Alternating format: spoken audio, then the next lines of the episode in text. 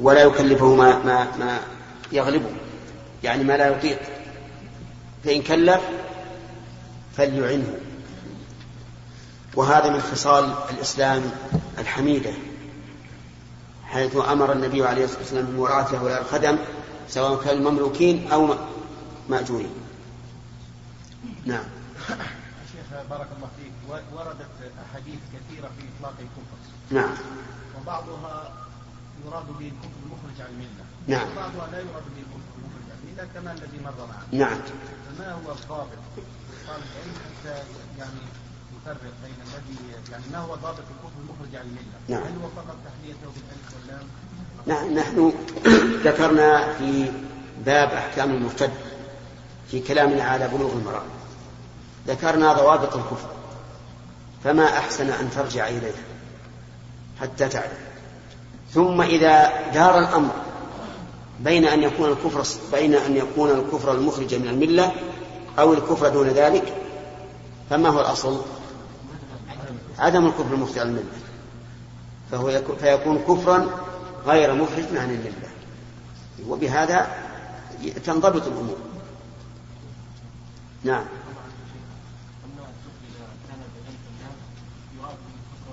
نعم.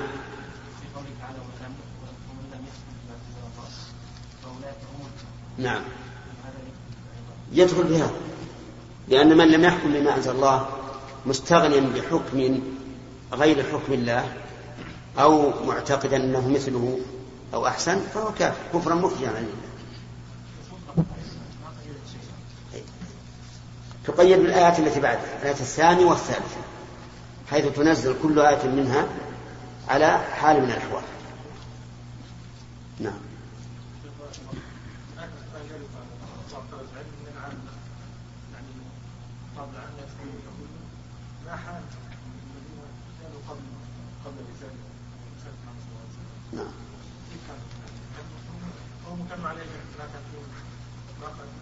أما أما من كان على ملة عيسى فهو على ملة عيسى. من كان يتعبد بملة عيسى فهو على ملة عيسى. ومن كان يتعبد بما بقي من ملة إسماعيل فهو على ملته ومن لم يكن كذلك فهؤلاء يسمون أهل الفترة. فما ذكر النبي صلى الله عليه وسلم عنه أنه من أهل النار فهو من أهل النار. ونشهد له بعينه.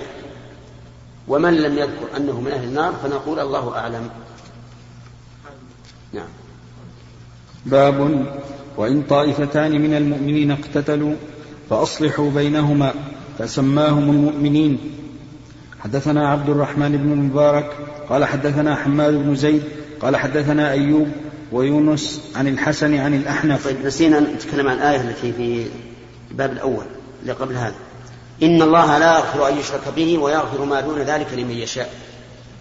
لا يغفر أن يشرك به أن وما دخلت, وما دخلت عليه في تأويل المصدر والتقدير شركا به. فهل هذا المصدر المؤول كالمصدر الصريح؟ بحيث نقول إن الشرك لا يغفر ولو كان أصغر أو نقول أو نقول إن المراد بالشرك هنا الشرك الأكبر. المخرج عن الملة. فيه تردد. ولكن لشيخ الإسلام رحمه الله كلام يقول إن الشرك لا يغفر ولو كان أصغر. وعلى هذا فلا بد من توبة. يتوب إلى الله عز وجل من هذا الشرك الذي وقع منه. وقوله يغفر ما دون ذلك لمن يشاء. ما دون يحتمل أن تكون بمعنى ما سوى. ويحتمل أن يكون المراد ما دون بمعنى أقل. وهذا أرجح. يعني ما هو أقل من الشرك يغفره الله.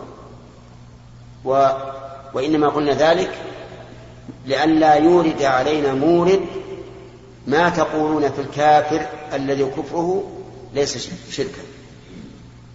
ومعلوم أن الكافر الذي كفره ليس شركا غير إيش؟ غير مغفور له لأن الله اشترط للمغفرة للكافر أن ينتهي عن كفره. قل للذين كفروا إن ينتهوا يغفر لهم ما قد سلف. وهذا أحسن. لكن لو قلنا إنها بمعنى سوى فيقال إن الأدلة دالة على أن الكفر المخرج عن الملة بمنزلة الشرك. لكن إذا قلنا ما دون ذلك أي ما هو أقل لم يرد علينا الإشكال أما الآية التي ذكرها في الباب الثاني وإن طائفتان من المؤمنين اقتتلوا فأصلحوا بينهما. ففي الآية إشكال نحوي أولا قال اقتتلوا مع أن الضمير يعود على مثنى. والثاني بينهما مع أن الضمير يعود على جمع. عرفتم؟ طيب كيف الجواب؟ نعم عبد الله. ها؟ وإن طائفتان من المؤمنين اقتتلوا ما يستقيم. لأن من المؤمنين بيان للطائفة يقال أنها أقل جمع اثنين. هذا غير المشهور هذا غير المشهور وإن طائفتان اقتتلوا المراد أفراد الطائفتين إيش؟ المراد أفراد الطائفتين فيكون جمعا. الطائفة تطلق على الجماعة. فإذا كانوا طائفتين أي جماعتين؟ فباعتبار المعنى جمع. باعتبار المعنى جمع. يبقى إشكال آخر فأصلحوا بينهما. عاد الضمير. باعتبار اللفظ فيكون الضمير في اقتتلوا لجماعة مرادا بها المعنى وبينهما لجماعة مرادا بها اللفظ. نعم. إن طائفتان من المؤمنين اقتتلوا فأصلحوا بينهما إلى قوله تبارك وتعالى إنما المؤمنون إخوة فأصلحوا بين أخوين. وهذا هو الشاهد الذي ليس فيه احتمال. أما ما ذهب إليه البخاري رحمه الله حيث قال فسماهم المؤمنين فقد يعارض فيه معارض ويقول إنه وصفهما بالمؤمنين باعتبار ما قبل الاقتتال. لكن عندما نكمل الآيات عندما نكمل الآيات يتبين أن هؤلاء لم يخرجوا من الإيمان. لقوله إنما المؤمنون إخوة فأصلحوا بين أخوين مع أن النبي صلى الله عليه وعلى آله وسلم قال سباب المسلم فسوق وقتاله كفر. إذا هذا الكفر في قوله وقتاله كفر إيش؟ هو كفر دون كفر. نعم. حدثنا عبد الرحمن بن مبارك قال حدثنا حماد بن زيد قال حدثنا أيوب ويونس عن الحسن عن الأحنف بن قيس أنه قال ذهبت لأنصر هذا الرجل فلقيني أبو بكرة فقال أين تريد؟ قلت أنصر هذا الرجل. قال ارجع, قال ارجع. فإني سمعت رسول الله صلى الله عليه وسلم يقول إذا التقى المسلمان بسيفيهما فالقاتل والمقتول في النار. فقلت يا رسول الله هذا القاتل فما بال المقتول؟ قال إنه كان حريصا على قتل صاحبه. البخاري رحمه الله ساق هذا الحديث على طريقة استدلاله في الآية. إذا التقى المسلمان مع أنه قد يقول قائل إنهما كانوا مسلمين قبل أن يقتتلا لكن كأن البخاري يقول سماهما مسلمين ولم يقل إذا التقى المسلمان كفرا. بل قال القاتل والمقتول في النار. ثم هذا هذه الظرفية في النار هل هي ظرفية مصاحبة؟ أو لا؟ الجواب؟ لا. ما هي مصاحبة؟ لأن الذي يرد أنهم من أصحاب النار هم أهلها الذين هم أهلها ولا يخرجون منها. أما إذا قيل في النار فقد يخرج. كما في قوله كل ضلالة في النار وقد لا تستلزم الخلود. وفي هذا الحديث دليل على أن من هم بالشيء وقام بالعمل ولم يدرك يكتب له إيش؟ يكتب له ما يكتب للعامل إن خيرا فخير وإن شرا فشر. فأحد الرجلين بل كل واحد من الرجلين حريص على قتل صاحبه وقد بذل ما يستطيع. من قتله ولكن لم يحصل له. فإذا حرص الإنسان على المعصية وبذل ما يستطيع للوصول إليها ولكن عجز فإنه يكتب له إيش؟ وزرها وزر عاملها. ولا فرق. وكذلك من هم بالحسنة وسعى لها سعيها ولكن لم يدرك كتب له أجرها كاملا. لقوله تعالى ومن يخرج من بيته مهاجرا إلى الله ورسوله ثم يدركه الموت فقد وقع أجره على الله. نعم. قول الله عز وجل إنما المؤمنون إخوة فاصلحوا بين أخويكم. نعم. هذا أشكال لغة أشكال لغوي ما أجل بين أخويكم. أصل ما ما ساقه البخاري. طيب كيف؟ نحن جئنا به استطرادا ونقول فيه كما قلنا في هذا في هذا. لكن يا شيخ ما كيف نقول؟ ما في من الطائفة يعني ما في مثنى نعم. هذا نقول بعد لكن الأخوين باعتبار الجنس. لأن المراد بالأخوين من؟ الطائفتان. الطائفتان. نعم. حديث ابو هريره صحيح مسلم يا شيخ نعم. يقول الرسول صلى الله عليه وسلم ومن هم بسيئة فلم يعملها فانا اغفرها له الله سبحانه وتعالى يقول فانا اغفرها له ما لم يعملها فإن عملها فانا اكتبها له نعم.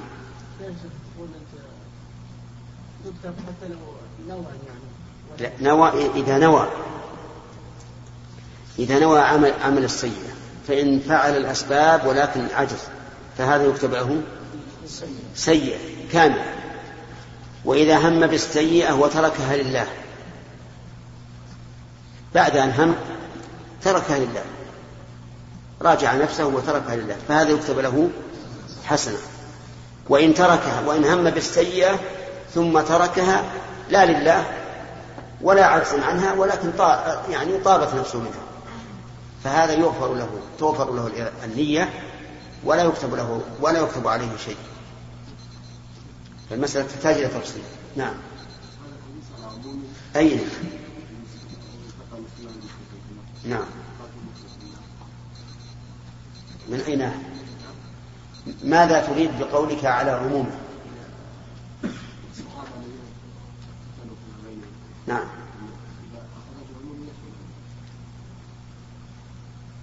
لكن الصحابة اقتتلوا على سبيل التأويل متأولين أنهم على حق. ليس كل واحد منهم يريد أن يقتل صاحبه. أما هذا يقول فإنه كان حريصا على قتل صاحبه. وما وقع بين الصحابة فإنه لا شك عن تأويل واجتهاد لكن منهم من أصاب ومنهم من أخطأ وخطأه مغفور له. لكن الشيخ حديث أرأيت إن قتلته؟ نعم. وأرأيت إن قتلني؟ نعم. ففصل النبي عليه الصلاة والسلام قال هو في النار. هذا لأنه معتدي الأول جاء إليه يأخذ ماله أو يأخذ نفسه أو ما أشبه ذلك. فهو معتدي. لكن هذان كل واحد منهما يريد الاعتداء على الآخر. باب فيكون قتل الثاني له دفاعا عن النفس. نعم. باب ظلم دون ظلم. حدثنا أبو الوليد قال حدثنا شعبة حاء قال وحدثني بش قال حدثنا محمد عن شعبة عن سليمان عن إبراهيم عن علقمة عن عبد الله أنه قال لما نزلت الذين آمنوا ولم يلبسوا إيمانهم بظلم. قال أصحاب رسول الله صلى الله عليه وسلم أينا لم يظلم فأنزل الله إن الشرك لظلم عظيم. قوله؟ ظلم دون ظلم. كان المؤلف رحمه الله أراد أن يمشي على الآيات التي في المائدة. فالآيات التي في المائدة الآية الأولى منها ومن لم يحكم بما أنزل الله فأولئك هم والثانية هم الظالمون. والظلم كالكفر يعني بعضه دون بعض. ظلم دون ظلم. ويدل لذلك أنه لما نزلت هذه الآية الذين آمنوا ولم يلبسوا إيمانهم بظلم قال الصحابة أينا لم يظلم؟ كل إنسان لا يسلم من الظلم. فقال النبي فقال النبي صلى الله عليه وسلم ألم تروا إلى قول العبد الصالح إن الشرك لظلم عظيم. إن فصار المراد بالظلم في الآية الشرك كما أشار إليه النبي صلى الله عليه وعلى آله وسلم. وأظلم الظلم الشرك لأن الرسول صلى الله عليه وسلم سئل أي الذنب أعظم؟ قال أن تجعل لله ندا وهو خلقك ثم هو مراتب. ما دون الكفر مراتب. كبائر وصغائر. والكبائر أيضا مراتب. والصغائر كذلك. ومثلها الأعمال الصالحة. كل شيء يكون دون شيء.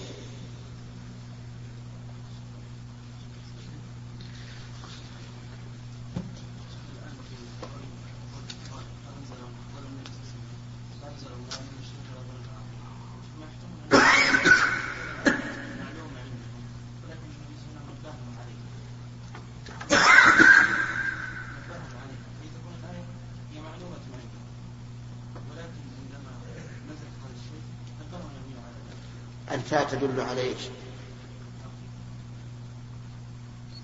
على إيش؟ طيب. وإذا دلت على هذا. وش الأصل؟ نعم.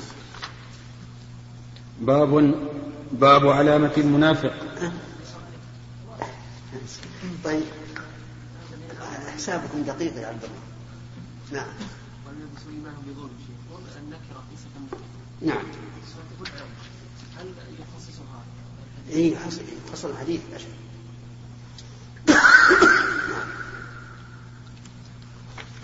يلا. في باب السلام من الإسلام. الشيخ الذي حق عليه السلام إذا لم يسلم هل يسلم عليه؟ يسلم عليه. يعني لو التقى جماعة كثيرة وقليلة فالحق على القليل. فإذا لم يسلم يسلم. مثل الماشي وكذلك الماشي والراكب نعم. باب علامة المنافق. حدثنا سليمان أبو الربيع قال حدثنا إسماعيل بن جعفر قال حدثنا نافع بن مالك ابن أبي عامر أبو سهيل عن أبيه عن أبي هريرة عن النبي صلى الله عليه وسلم أنه قال آية المنافق ثلاث إذا حدث كذب وإذا وعد أخلف وإذا اؤتمن خان حدثنا قبيصة بن عقبة قال حدثنا سفيان عن الأعمش عن عبد الله بن مرة عن مسروق عن عبد الله بن عمرو أن النبي صلى الله عليه وسلم قال أربع من كن فيه كان منافقا خالصا ومن كانت فيه خصلة منهن كانت فيه خصلة من النفاق حتى يدعها إذا اؤتمن خان وإذا حدث كذب وإذا عاهد غدر وإذا خاصم فجر. تابعه شعبة عن الأعمش. نعم. باب علامة المنافق. المنافق اسم فاعل من نافقة. وأصله يعني اشتقاق يعني اشتقاقه من نافقاء يربوع. يعني جحرة. واليربوع ألهمه الله عز وجل أن يجعل لجحره بابا يدخل منه. وفي أقصاه باب مغلق لا يعلم به إلا قشرة رقيقة من الأرض فإذا هاجمه أحد من من الباب الرئيسي نعم خرج من الباب الفرعي الذي أعده لذلك. فيخدع لأن المهاجم من عند الباب يظن أنه سيخرج من من أين؟ من نفس الباب. لكنه خادعه فجعل له بابا آخر. هكذا المنافق. يخادعون الله والذين آمنوا وما يخدعون إلا أنفسهم. قال بعض العلماء وهو اسم إسلامي. لم يكن معروفا من قبل. أي ليس في قاموس اللغة العربية قبل تسمية الإسلام له بذلك إطلاق المنافق على من يظهر الإسلام ويبطن الكفر. والمنافق نقف على هذا إن شاء الله إلى غد. قصد به اليمين. فقد قال النبي صلى الله عليه وعلى آله وسلم من حلف فليحلف بالله وإن قصد به الطلاق فهذا يعني أن زوجته إذا وقع منه هذا العمل ثلاث مرات تحرم عليه.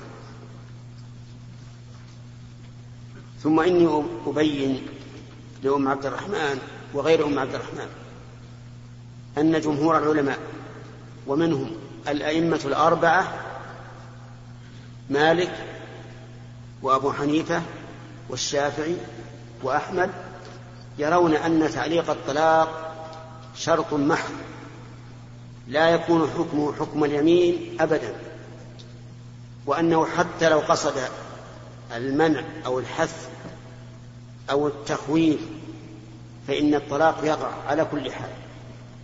فلو قال لزوجته إن خرجت من البيت فأنت طالق يريد منعها لا يريد الطلاق ثم خرجت فإنها تطلق على المذاهب الأربعة.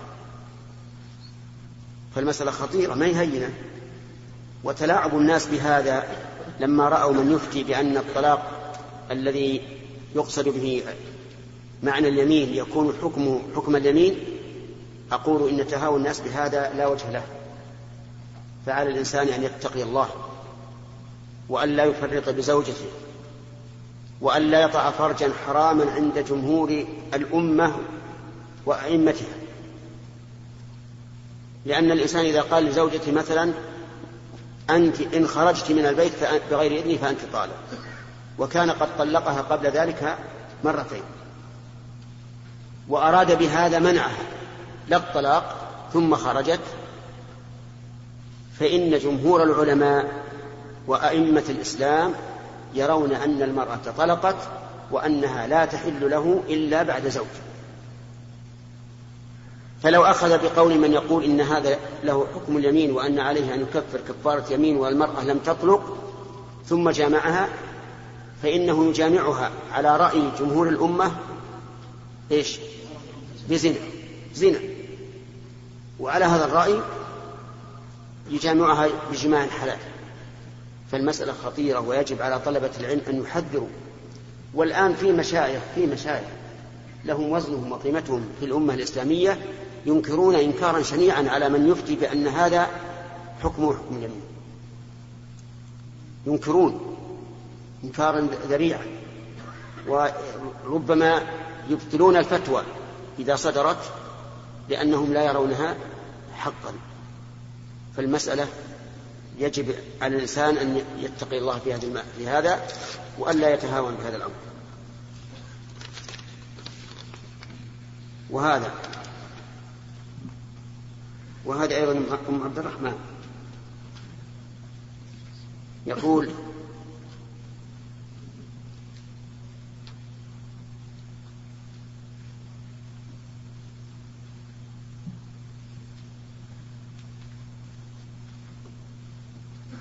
يقول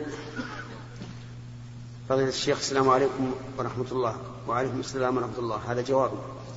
فضيلة ألا يوجد مخرج لمن عنده زوجة قد أشغلته بكثرة خروجها من بيت زوجها تاركة أطفالها بأن يوقع الطلاق عليها ولو لم ولو لم تكن في طهر لم يجامعها فيه يريد سرعة إيقاع الطلاق عليها لأنها قد استغلت سماحته وسرعة نسيانه لم يبطل منها في حالة رضاه وهكذا. نعم. وهل لو قال إن الماء إن طهرت إن طهرت فأنت طالق يقع طلاقه. أقول لا يحل له أن أن أن يطلقها في طهر جامعها فيه مهما كان الأمر. ولا أن يطلقها وهي حائل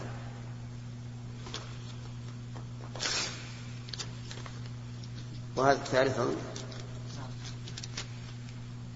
كمال الجزائر يقول رجل يقول رجل جعل ثمار مزرعته غالبه يوزعه على أهله وأقربائه ويتصرف ببعضه فهل تجب فيه الزكاة؟ أنت؟ أي نعم تجب فيه الزكاة إذا بلغ النصاب.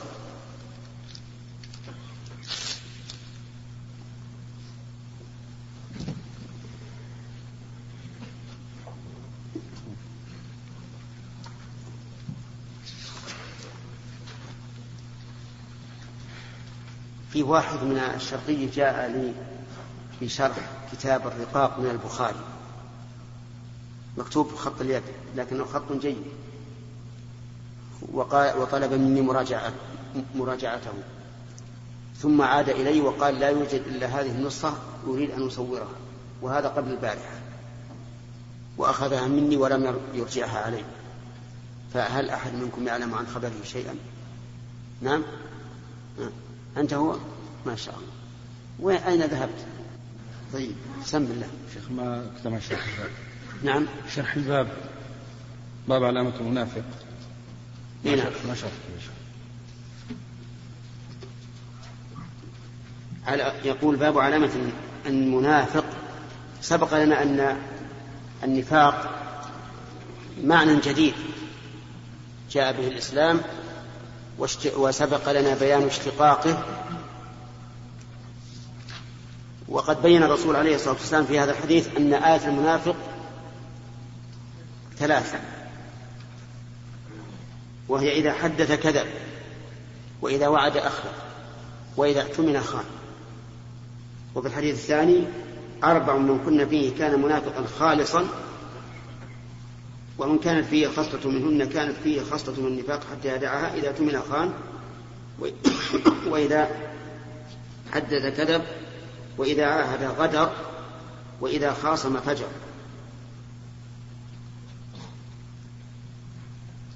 فشارك الحديث الأول في خصلتين.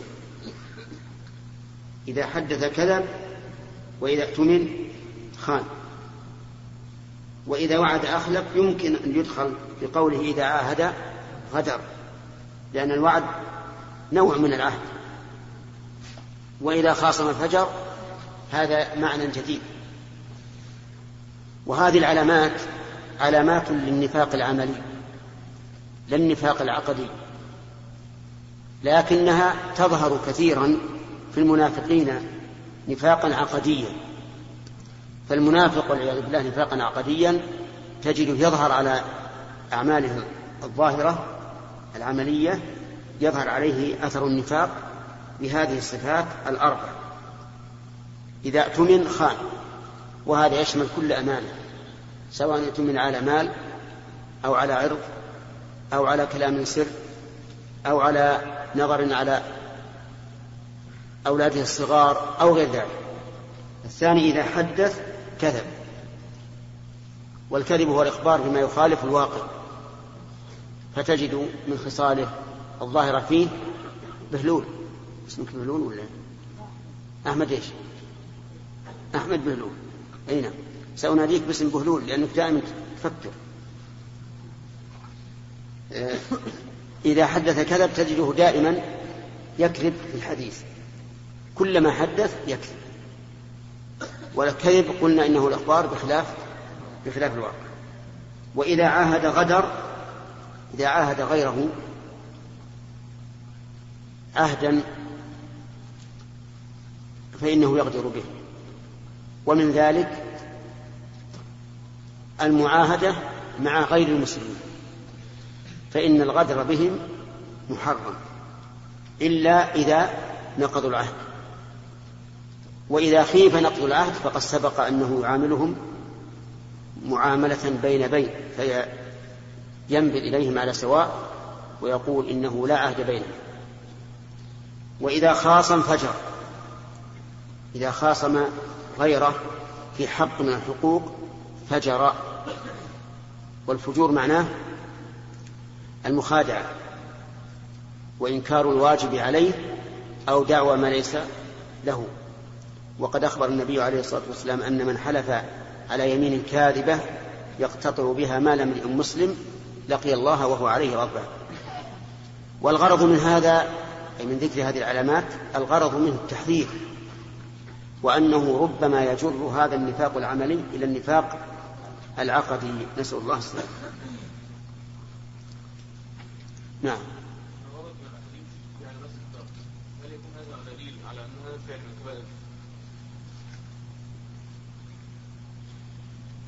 هو كل كل هذه الم- المذكورات بعضها من الكبائر لا شك. مثلا إذا خاصم فجر إذا عاهد غدر إذا اؤتمن خان أما إذا حدث كذب فالك- فالكذب ليس كله من الكبائر بل حسب ما يكون فيه من من الأضرار المترتبة عليه.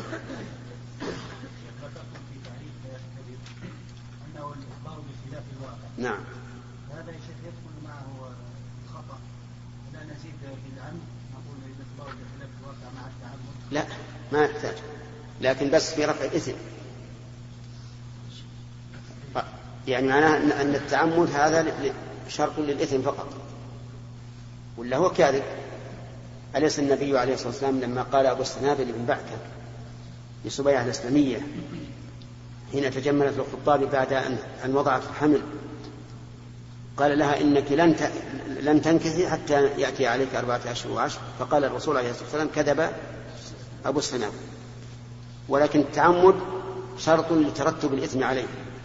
لا لكونه كذبا أو صدقا. نعم. أنا أقول لا لكونه كذبا.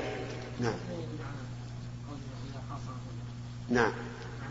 يعني أن يدعي ما ليس له أو ينكر ما, ما كان عليه. بسم الله الرحمن الرحيم.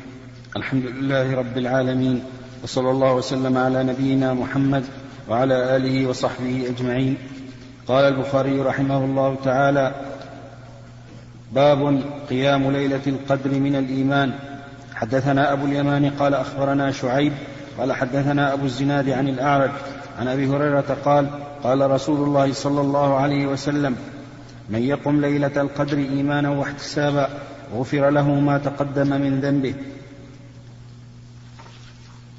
من الإيمان يعني من خصاله بدليل قوله من يقم ليلة القدر إيمانا واحتسابا.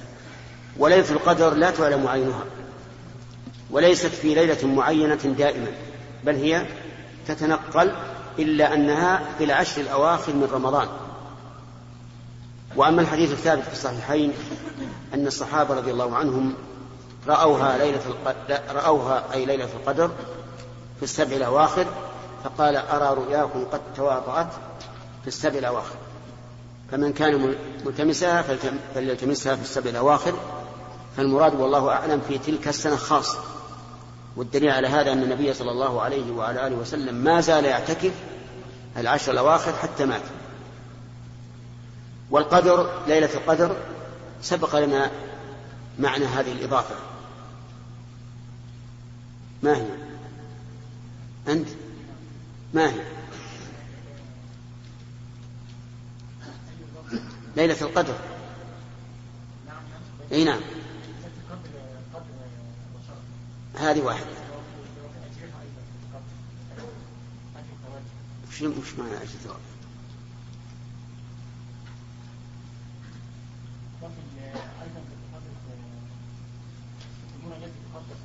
نعم. يعني من التقدير. صح. وقوله إيمانا واحتسابا فيه التنبيه على أنه ينبغي للإنسان أن يحتسب الأجر على الله. ولكن لو رتب أجر على عمل معين فهل يشترط أن يحتسب ذلك أو لا؟ يعني مثلا من توضأ في بيته فأسبغ الوضوء ثم خرج من بيته إلى المسجد لا يخرجه إلى الصلاة لم يخطو خطوة إلا رفع الله له بها درجة وحط عنه بها خطيئة. هل نقول إن هذا الأجر ثابت وإن لم يحتسبه على الله؟ أو نقول لا بد أن ينوي احتسابه على الله. بمعنى أن أن يستحضر عند خروجه من البيت أنه خرج للصلاة. ما تقولون؟ يعني لا بد أن يحتسب؟ الظاهر لا. الظاهر أنه إذا توضأ وخرج بهذه النية وإن غاب عن ذهنه هذا الأجر أنه يثبت له. لكن لا شك أن استحضاره واحتسابه الأجر على الله أكمل. وأضمن.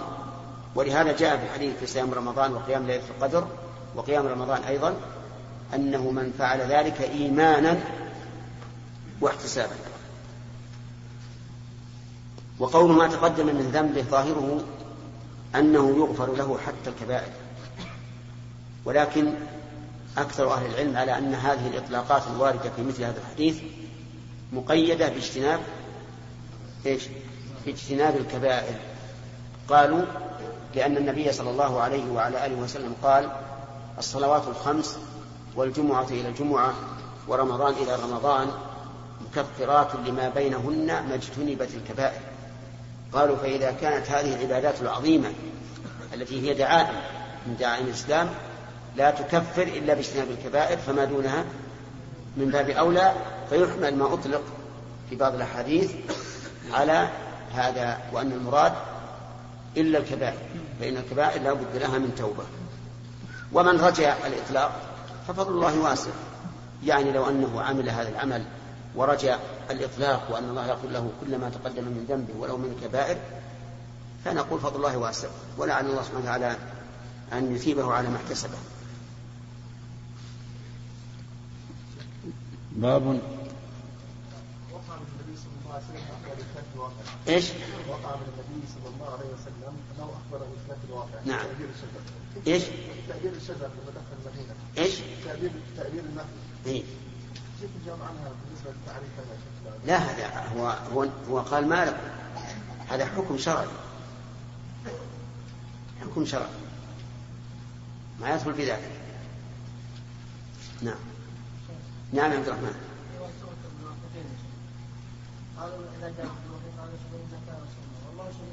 يعلم يعلم إن... رسول الله هذا اصبر. الشيء القرآن هذا لا تدعو حتى تسقط الحروف. اذا إذا جاءك المنافقون نعم. قالوا نشهد إنك رسول الله.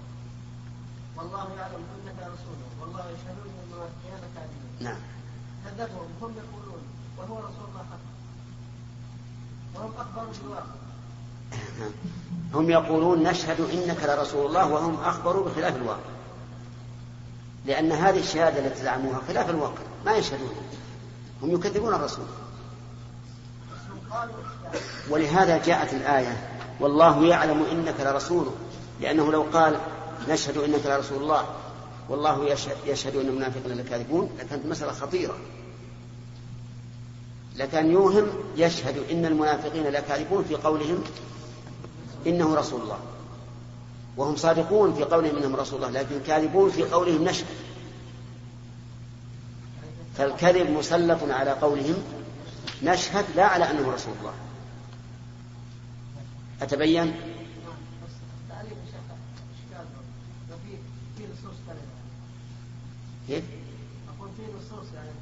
على كل حال ما ما ما أظن. لا بد لها من مخرج. نعم. وأنا ذكرت لكم العمد إنما هو على ترتب الشر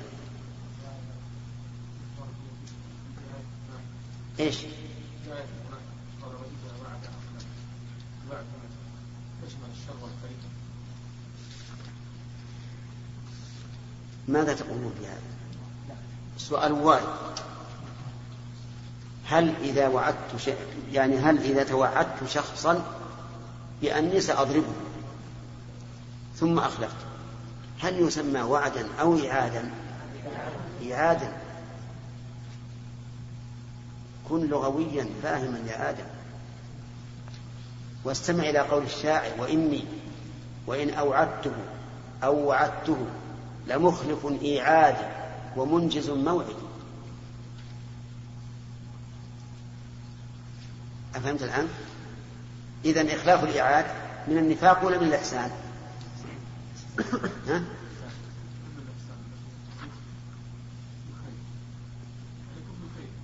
لا أصلا ما يسمى وعد هذا هذا يسمى توعد أو إيعاد فهمت الفرق؟ ما.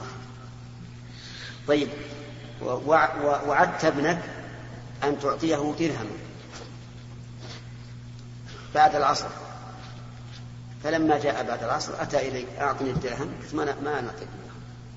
هذا وش يسمى؟ خلاف إيش؟ وعد. قلت لابنك لما أخ- أخطأ في بعض الأشياء قلت وعدك وعدك العصر أوريك العصر إن شاء الله. الآن بروح الكلية لكن إن شاء الله بعد العصر أوريك. فجاء بعد العصر فعفوت عنه. هل هذا خلاف وعد ولا إعاد إعاد ولهذا تج- تجد ابن ابنك يفرح. لكن في الأول لما وعدت ريال ولا أعطيته نعم يزعل. المهم على كل حال ان إن إخلاف ال- الإخلاف في الشر ما يسمى وعدا يسمى ايعادا وقد يسمى وعدا على سبيل التجوز. نعم. أي من الإحسان. أي نعم. باب الجهاد من الإيمان. حدثنا حرمي بن حفص قال حدثنا عبد الواحد قال حدثنا عمارة قال حدثنا أبو زرعة ابن عمرو بن جرير قال سمعت أبا هريرة عن النبي صلى الله عليه وسلم أنه قال انتدب الله لمن خرج في سبيله لا يخرجه إلا إيمان بي وتصديق برسلي أن أرجعه بما نال من أجر أو غنيمة أو أدخله الجنة ولولا أن أشق على أمتي ما قعدت خلف سرية ولوددت أني أقتل في سبيل الله ثم أحيا ثم أقتل ثم أحيا ثم أقتل. انتدب الله بمعنى تكفل وضمن لمن خرج في سبيله يعني في, في الجهاد في سبيله.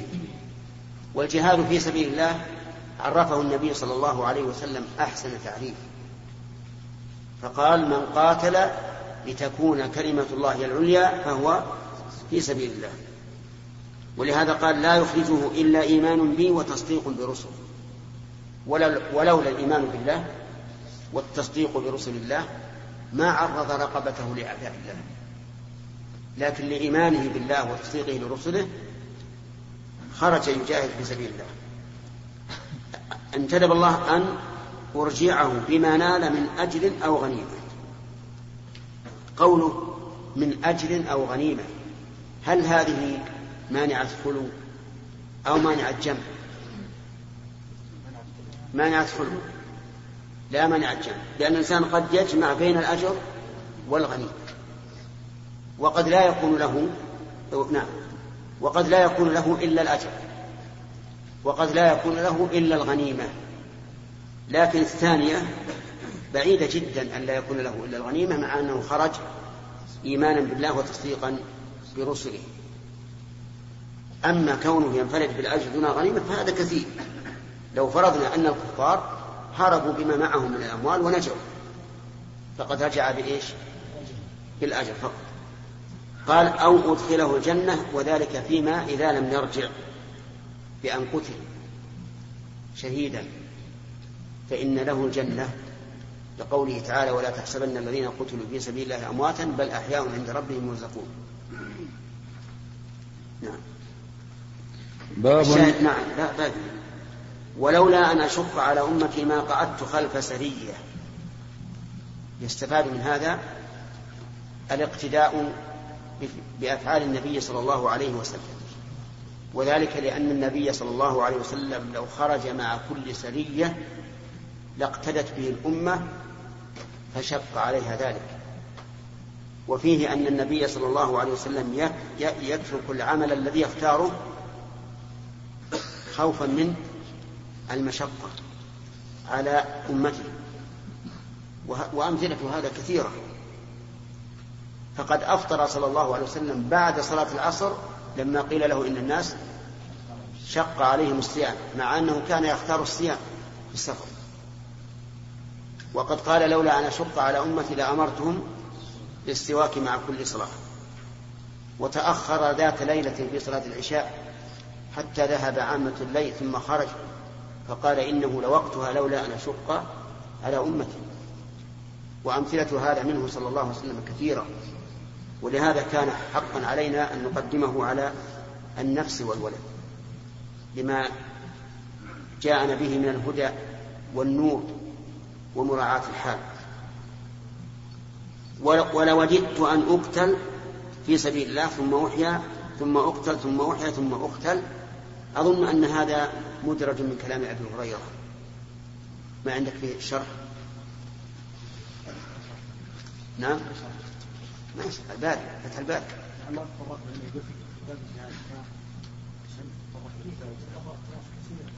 اي طيب نشوف ال... العين إيش؟ يقول ويشير إلى ذلك النبي صلى الله عليه وسلم الشهاده بقوله يعني لا يكون مدركا على هذا. ما أذكر. كان ما خانته الذاكرة.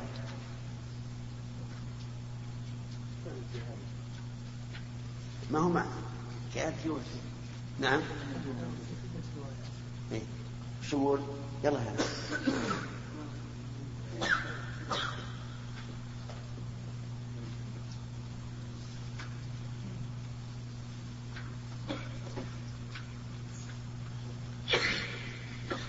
نعم اصبر يا نشوف مشكلتنا الآن؟ لا لا. الآن منتهيون ولا ولو تأخر. كون الشيء الإنسان يتشوق إلى شيء ما. نعم. إي نعم. نخليه إلى غد إذا إن كان عبد الله ما عنده علم ما تكلم عليها أبد. من فضلك اقلب الشريط.